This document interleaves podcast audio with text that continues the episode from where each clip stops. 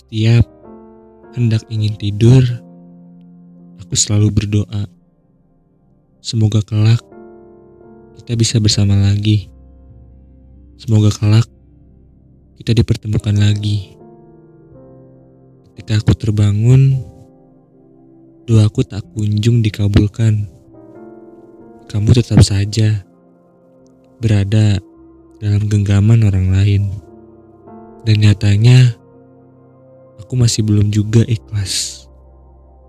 Aku percaya akan kekuatan doa, tapi berdoa untuk sesuatu yang sudah bukan milikmu lagi dan berharap itu akan kembali, sebaiknya diubah.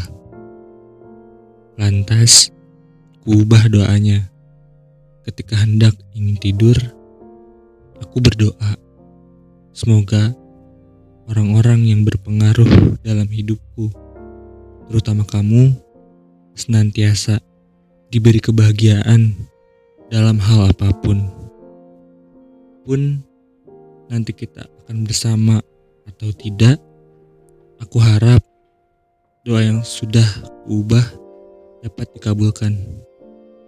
Semoga juga ikhlasku sekarang tak hanya sebatas diucapkan, melainkan dilakukan.